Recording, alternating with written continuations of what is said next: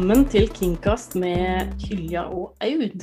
I dag skal vi snakke om disiplin, som er et vanlig element i BDSM-leik, og blir representert med bokstaven D i dette akronymet BDSM. Og disiplin det refererer vel til praksis med å trene en underdanig til å adlyde en dominant og følge visse regler. Og det er jo digg for sånne regelryttere som meg, f.eks. Ja, oss begge, vil jeg si. Og mange tiltrekkes jo av i en veldig uforutsigbar og litt sånn tilfeldig verden at ting får direkte konsekvenser. Hvis du ikke adlyder ordre, så skjer det her. Det har du samtykka til. Det er veldig forutsigbart, og det kan føles trygt. Det kan også være en mulighet for å på en måte gjøre opprør og bli satt på plass, noe noen syns er opphissende når man tenner på maktforskyving, eh, og mange andre ting. For det er jo ofte Altså, man kan jo også lure seg hva er poenget med disiplin? Eh, er det at den underdanige skal bli mer lydig, eller er det en, et utdanningsformål? Nå skal jeg lære deg Nå skal du få lære en spesiell egenskap, sånn at du blir forbedra. For det kan jo ofte være ulike intensjoner med å disiplinere òg. Men det er jo atferdsmodifisering. Det er ofte atferdsmodifisering, ja. Det kan også handle om eh, ritualer. At man disiplinerer noen til å gjøre ulike oppgaver eller oppføre seg på en bestemt måte eller ha på seg noe spesielt. Og mange som trives i en underdanig rolle, tenner jo veldig på det her med å tilfredsstille og tjene og være til nytte. Og sånn kan disiplin være kjempenyttig. Hvis du sier vi gjør den oppgaven, og så gjør de den oppgaven og får tilfredsstillelse av det, og så får de kanskje i tillegg skryt eller uh, en belønning etterpå. Ja, og disiplin det kan jo faktisk fremme eller på en måte øke til et, posit et positivt forhold mellom den dominante og subben. Og det er jo fordi at uh, det motiverer jo subben til å oppføre seg. Det, altså en sånn type disiplin fremmer jo også forholdet mellom den dominante og subben. Og selv om straff kan gå hånd i hånd med disiplin, så, så fokuserer man gjerne på å hjelpe den underdanige og lære hva som forventes av de, og hvordan de kan handle i samsvar med det. Eh, F.eks. hvis en underdanig gjør en feil, noe som det skjer jo, så er det den dominantes ansvar å disiplinere den underdanige ved å vise den rette måten å gjøre det på. Så det blir jo litt sånn som med barneoppdragelse òg, disiplinering av barn, at det, du må på en måte også forklare hvorfor. Hva har du gjort feil? Det her har du gjort feil, og dette blir konsekvensen av det jeg kommer til å disiplinere deg på den måten her, eller straff kan jo også forekomme. Sjøl om disiplin og straff vil jeg ikke si er det samme, egentlig. Det er ofte en sammenheng, men det er ikke det samme. Og så syns jeg det er interessant at disiplin er liksom en av de greinene i BDSM der det stort sett alltid er DS. Det er stort sett alltid maktforskyving inn i bildet. Man mm. kan leke med smerte, man kan leke med bondage, man kan leke med mye annet uten at det er maktforskyving. Men med disiplin så er det som regel det. Det handler også noen ganger om mestringsfølelse. At mange syns det er behagelig å lære seg noe godt og utføre det på en kjempebra måte. Og så får de en mestringsfølelse av det som de kan overføre til andre deler av livet sitt hvis de vil eller, eller kan det. Og det kan også være veldig fint. Jeg tror mange tenker på disiplin som noe negativt, men det kan være veldig positivt. Ja, det kan jo være Du var så vidt inne på det i DS-episoden, det med funishment. Mm. Og det er jo det er en form for det. fordi at det, når det er avtalt på forhånd, når det er samtykkende, så kan jo på en måte straff Det blir jo ikke en reell straff, men det kan jo være gøy. Det er noe på en måte når en underdanig gjør noe for å bevisst få den dominante til å leike, til å straffe de hele poenget er at det skal være gøy, og man må jo selvfølgelig snakke om sikkerhetsord på forhånd, slik at alle parter i scenen er klar over det. Og tydelig definere hva som skal skje i forhandlingene i forkant. Og det kan jo f.eks. være at uh, den dominante ber subben om å stoppe, og så sier subben å, hvis jeg ikke slutter, hva har du lyst til å gjøre med meg da? Og liksom tihi Ja. ja. Og det er jo funishment. Det er jo, det er jo gøy, det er jo lek, det er jo, det er jo artig. Så du, ja, du har absolutt rett i det klart. at det, eh, trenger ikke være Det er en straff man vil ha, ja. som er på en måte ønska, og som man syns er morsom. Men jeg må, jeg må, jo være helt ærlig og si det at jeg liker jo faktisk ordet avstraffelse mye bedre enn punishment. og det syns jeg for... At, ja, jeg syns at funnishment ofte kan havne litt over i sånn topping fra bunnen-land, eh, der på en måte den underdanige bestemmer hva som skal skje gjennom å f.eks. Bry, altså bryte med rollen sin eller gå mot en ordre, eller for å få den straffen de vil ha. Det kan være veldig samtykkende og veldig altså at punishment er gøy for begge parter. Eller det kan være topping fra bunnen, at de på en måte gjør det de gjør for å få noe som den dominante egentlig ikke hadde tenkt å gi.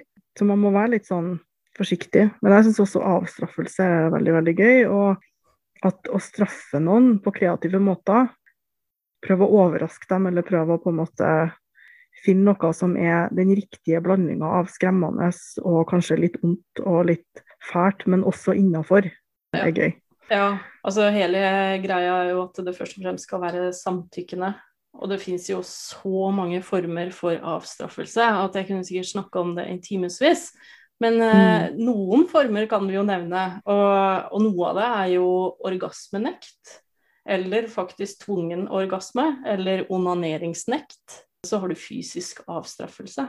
Eller ikke fysisk avstraffelse hvis du har en underdanig som er masochist og bare elsker smerte. Så kan du jo be den underdanige om å tie stille. Du har jo noen brats som elsker å snakke og elsker å bare mase. Og mm. det kan jo være straff i seg sjøl at vet du, nå må du tie stille, eller nå kan du få en ballgag i munnen til du lærer å oppføre deg. Og så har du offentlig ydmykelse, og den er jo selvfølgelig med forbehold, fordi vi har jo også et uh, regelverk vi må forholde oss til. Men det går jo an å gjøre det uskyldig òg, som å be subben ha på seg en T-skjorte hvor det står 'tøs' eller et eller annet morsomt. Eller, eller, at det er på en måte med samtykke fra de som er rundt, da, hvis man er ja. på en SM-klubb eller, eller, noe sånt, og det er et lekeområde. Det er jo det. For det er jo noen som til og med liker å bli bindt opp i en eh, veldig ydmykende stilling. Og at flere spiller med i leken og peker og ydmyker de og sier ting og ler. og Det er faktisk noen som får, får noe ut av det òg. Og for min del, hvis hvis jeg skulle ha bedt subben om å bære et halsbånd offentlig som innvikelse, så tror jeg ikke jeg ville ha valgt collar, fordi for meg så blir det veldig Det er ikke noe straff. Det syns jeg bare er vakkert. Men uh, hundehalsbånd derimot, det syns jeg er litt mer ydmykende. Eller det å få subben til å spise av et uh, fat på gulvet. Ja, det er absolutt uh, gøye ting. Og så tenker jeg at noen ganger så undervurderer man kanskje hvor sterke signaler er, og da tenker jeg særlig på det her med å ignorere noen. Å ignorere noen er egentlig veldig veldig sterkt. Vi har som mennesker et veldig behov for på en måte tilknytning og å bli sett. Så mange mm. tenker at det å ignorere noen er en bra måte å straffe noen på, men eh, ikke nødvendigvis. Det ville jeg vært forsiktig med, også i, i, BDSM, som skal være positivt og oppbyggende. Og Det er et viktig prinsipp, uansett hva man gjør i BDSM, men kanskje særlig når det gjelder ydmykelse og disiplin. At mm. det skal være positivt og oppbyggende. At selv om man kan føle at det er vanskelig underveis, til slutt så skal det føles oppbyggende for alle ja. parter. Det syns jeg er veldig viktig at du sier, fordi eh, det er jo en av de tinga som jeg kategoriserer som de mest alvorlige formene for avstraffelse, og det er faktisk noe jeg bruker ytterst sjelden sjøl. Det er fordi at det finnes så mange mennesker som har traumer inn i avvisning, inn i det å ikke være en del av gjengen helt tilbake til barndom, skole, mobbing, så det blir et sånt minefelt hvor du begynner å bevege deg inn i psykologiske aspekter av menneskeheten som er veldig sårbart. Mm. Så akkurat der så vil jeg heller personlig bruke fysisk avstraffelse, cockholding, isbiter, ta vekk et privilegium fremfor å avvise. Ja, helt klart. Men for noen så funker det. Men eh, jeg vil bare understreke at at eh, det kan være litt sånn uforutsette konsekvenser, at man tenker på det som greit, men det er ikke det. Det kan også være litt vanskelig å sette fingeren på hvis man uh, har opplevd det, hvorfor det føltes så vanskelig. Det, det var jo bare kanskje noen som ikke snakka til deg på en halvtimes tid, men det føltes likevel veldig alvorlig. Og det er mm. fordi at vi som mennesker er så avhengige av den der kontakten. da. Ja, og det er kanskje derfor så mange underdanige opplever overraskelsesstraff som vanskelig. Og det er jo ofte når den dominante gir en straff uten å forklare hvorfor, men bare straffer helt sånn ut ifra det blå. For det vil ikke gi den underdanige en mulighet til å finne ut hva har jeg gjort gærent, hvordan kan jeg forbedre meg, hvorfor får jeg straff? Som kan skape utrolig mye uro. Mm. Så derfor er den kommunikasjonen er veldig viktig. Så hvis man skal utføre en sånn type overraskelsesstraff, så syns jeg at man må snakke om det på, i forkant i forhandlingene. At det skal være rom for at jeg bare plutselig når som helst bare legger deg over sofaen og gir deg ris, f.eks. Ja, da tenker jeg at det handler mer om um, SM, altså smertepåføring eller smertelek enn disiplin. At i mm. disiplin så er sjelden overraskelser spesielt bra. Men hvis begge liker å leke med smerte, så kan man på en måte overraske med det. Også i lære med disiplin så er det jo masse symboler. Noen tenner på uniformer og tenner på hierarkier, som det er f.eks. i militæret eller eh, lærer-elev eller eh, mange andre typer rollespill. Mm. Man kan være noen som forhører en fange, være fengselsvokter, eller politi som arresterer noen, og så må liksom fangen følge reglene i, i fengselet. Eller uh, man kan være hund og eier, drive med petplay. Petplay handler jo ikke om å leke med dyr, bare så det er understreka. Det handler om å ta opp i seg egenskapene til dyret. F.eks. å være en lekenvalp som springer rundt på stuegulvet og mm. logrer med halen. Ja, det kan jo være kjempesøtt. Det kan være kjempesøtt. Og der kan man også blande inn eh, disiplin. Man kan lære dem å gi labb og rulle rundt. og Man kan blande inn litt ydmykelse eller, eller bondage med å, å, gå i bånd eller å feste dem til, til noe. Mm. Ja, og jeg ser jo også på altså den gangen Norge var åpent, hvor du hadde pride-parader, fulle pride-parader, så kunne du også se folk som gikk i som drev med ponyplay, som gikk i hestekostyme og hadde fullt utstyr, altså. Og det er, jo, det er jo noe utrolig fascinerende med det òg. Det er veldig pent å se på og veldig interessant at folk eh, får noe ut av det òg. Ja, absolutt. Og jeg så en uh, nyhetssak fra jeg tror det var Canada nå under uh, koronaepidemien. Der det var noen som var blitt uh, arrestert og bøtelagt fordi det var ikke lov for folk å gå ut annet enn i nødvendig ærend, bl.a. å lufte hunden. Og Da var det da ei dame som hadde tatt med seg mannen sin i bånd ut og lufta han, og da fikk de bot. Jeg tenker at Det kunne ha vært SM-lek, det kunne ha vært en sånn disiplin. Kanskje han ble straffa på den måten, kanskje hadde han gjort noe bra og fikk turen sin den dagen. Men de endte i alle fall opp med bot, da. Kanskje ville han bare lure seg unna reglene. Litt om de symbolene jeg var inne på i sted, så er det jo det her med at den ene er lavere fysisk enn den andre kan være et ganske sånn sterkt signal. At man ber noen om å knele eller å sitte på gulvet eller å være under det, rent fysisk. Og For noen som er nye som dominant, så kan det være et ganske sånn effektivt signal som gjør at man føler seg tryggere i rollen. Skal ofte ikke så mye til. Det kan være at man har på seg noe spesielt når man liksom er i rollen og skal følge de reglene som man har avtalt. Og noen tenker farger. At liksom svart er dominant og ovenpå rødt er ikke. Eller uh... Og det fins jo forskjellige typer kostymer òg, med ulike yrker. F.eks. det med tjenestepike, som gjerne bæres av underdanige, eller uh, slavekostymer. Det er som du tidligere var inne på, det med fange og fangevokter.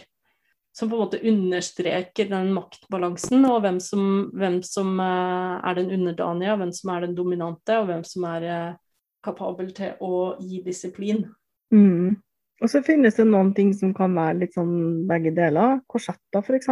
kan være veldig ovenpå, litt sånn overhøya og vakkert og sånn. Og det kan også være litt sånn bondage-aktig. Du er min, eller du er på en måte avhengig av hva slags rolle man har, og hva slags avtale man har. Ja, og bondage det har jo også et eh, Nei, korsetter har jo også et eh, element av pustekontroll, eller erotisk uhelning, faktisk. For det er jo folk som svimer av av for eh, stramme korsetter. Enhver som har gått med korsett, vet jo at det begrenser jo oksygentilgangen. Så det må jo gjøres med forholdsregler. Ja, ja, det er sant. Men særlig hvis man kjøper korsett som er, om ikke håndlagd, så i hvert fall passe så har man kommet langt på vei. Og så er det noe med hvor høy de er. Hvis de går over brystkassa, så blir det mye mer eh, sånn type kontroll enn ellers. Jeg har kjørt bil i korsett, det var ikke gøy. Et sånt som gikk fra hoftene og opp. Jeg fikk det til. Men det, jeg må faktisk innrømme at det er stor forskjell på Hennes og Maurits korsett og skikkelige korsetter med, altså med nesten sånn type Er det hvalbein de bruker i det? Før var det hvalbein, nå er det jo mye stålspiler. Og særlig sånne som er mm, sånne fleksible stålspiler. Vaier mer ja. enn på en måte pinner er ofte mye mer behagelig å ha på seg, fordi du kan bøye deg lite grann. Ja. Nei, for jeg, jeg arva et sånt korsett fra Det må ha vært tippoldemor, altså. En sånn beige snørekorsett um, med jernvaiere i. Altså helt sånn Det var jernplater. Og det er det mest smertefulle korsettet jeg bruker. Altså, det bruker jeg ikke. Jeg har prøvd det, for det, veldig, det ser veldig fint ut. Men eh, mm. det var ikke behagelige klær den gangen der. Sånn at eh, jeg velger heller sånn type onburst. Underbust. Underbust. Ja korsetter? Jeg tror det kom litt an på klasse og sånn, fordi at hadde du nok penger til å få sydd noe som passa til deg, så kunne det være ganske behagelig. Men ja. hadde du ikke, at du arva f.eks., mm. så var det sannsynligvis ikke så bra. Jeg har jo sagt da, i min grønne ungdom at jeg skulle ønske at jeg levde på 1700-tallet så jeg kunne gå i korsett hver dag. Man har jo blitt eldre og lært litt og skjønt at det, det er ikke like gøy når det ikke er frivillig. Nei. Det er noe med å kunne velge det som er på en måte gøy. Jeg syns personlig, fordi jeg har store pupper, at korsett er veldig behagelig. fordi da trenger man ikke å ha på seg bh, og så blir, blir brystene holdt fast på en annen måte enn, enn av en bh. Vekta blir på en måte fordelt på en helt annen måte, og det er veldig behagelig. Mens andre kan ha en helt annen opplevelse, uavhengig av puppestørrelse. Og ja, og så er du, du får en veldig fin holdning. Eh, jeg slet mye med ryggproblemer mange år tilbake, eh, og da syntes jeg det var helt nydelig å gå med korsett. For det korsettet hjalp jo ryggen å holde seg rett og stabil, og det ble jo Det fjerna jo faktisk veldig mye smerter. Jeg tenker på hun kunstneren Frida Kahlo. Hun gikk jo med korsett og malte korsetter i mange av eh, maleriene sine. Så det, mm. det var jo hun syntes jo helt klart at det var ubehagelig, det har jeg sett, men, men det var jo også nødvendig. Mm. Jeg tenker at det hadde kanskje vært verre å ikke gå med. Ja, for ja, henne så var det jo et, en nødvendighet. Det var jo først og fremst det, og ikke en uh, kink eller ikke en fetisj eller uh, en tenning i det. Men jeg syns jo de er såpass de er... vakre, da. Korsetter. Veldig. Ja. Så, så, det må jeg jo si, det må jo være en av mine fetisjer. Så må det jo være korsett. Ja, helt klart en av mine. Og både å gå med og se andre i. Og det er uavhengig av kjønn. Jeg syns at både menn i korsett og mennesker av andre kjønn i korsett er utrolig flott. Og jeg syns det er litt synd at uh, man så sjelden ser andre enn kvinner da, i korsett. Absolutt. Og når man snakker om korsett og disiplin, så kan jo korsetter være litt sånn en måte å disiplinere kroppen på fysisk. Man kan trene med korsetter og gjøre midja smalere, i hvert fall midlertidig. Og så finnes det nakkekorsetter som gir deg også bedre holdning. Men da er vi litt over i eh, både disiplin og, og bondage. Det glir jo litt over hverandre, da. Nei, i hverandre. Ja, det. Nå har vi snakka litt om disiplin, en slags sånn innledning til disiplin, men jeg er helt sikker på at vi kommer inn på dette temaet senere også. Og i neste episode så skal vi snakke om SM, altså eh, smertepåføring. Yay! Er det fælt å si at man gleder seg til det? Nei, absolutt ikke. Smerte er gøy. Smerte er gøy. Samtykkende smerte er gøy. det var det vi hadde for i dag. Hva vil du høre om neste gang? Send oss gjerne en e-post på kingcast.hotmail.com. Eller kontakt oss på Facebook-siden vår. Takk for at du hørte på Kingcast.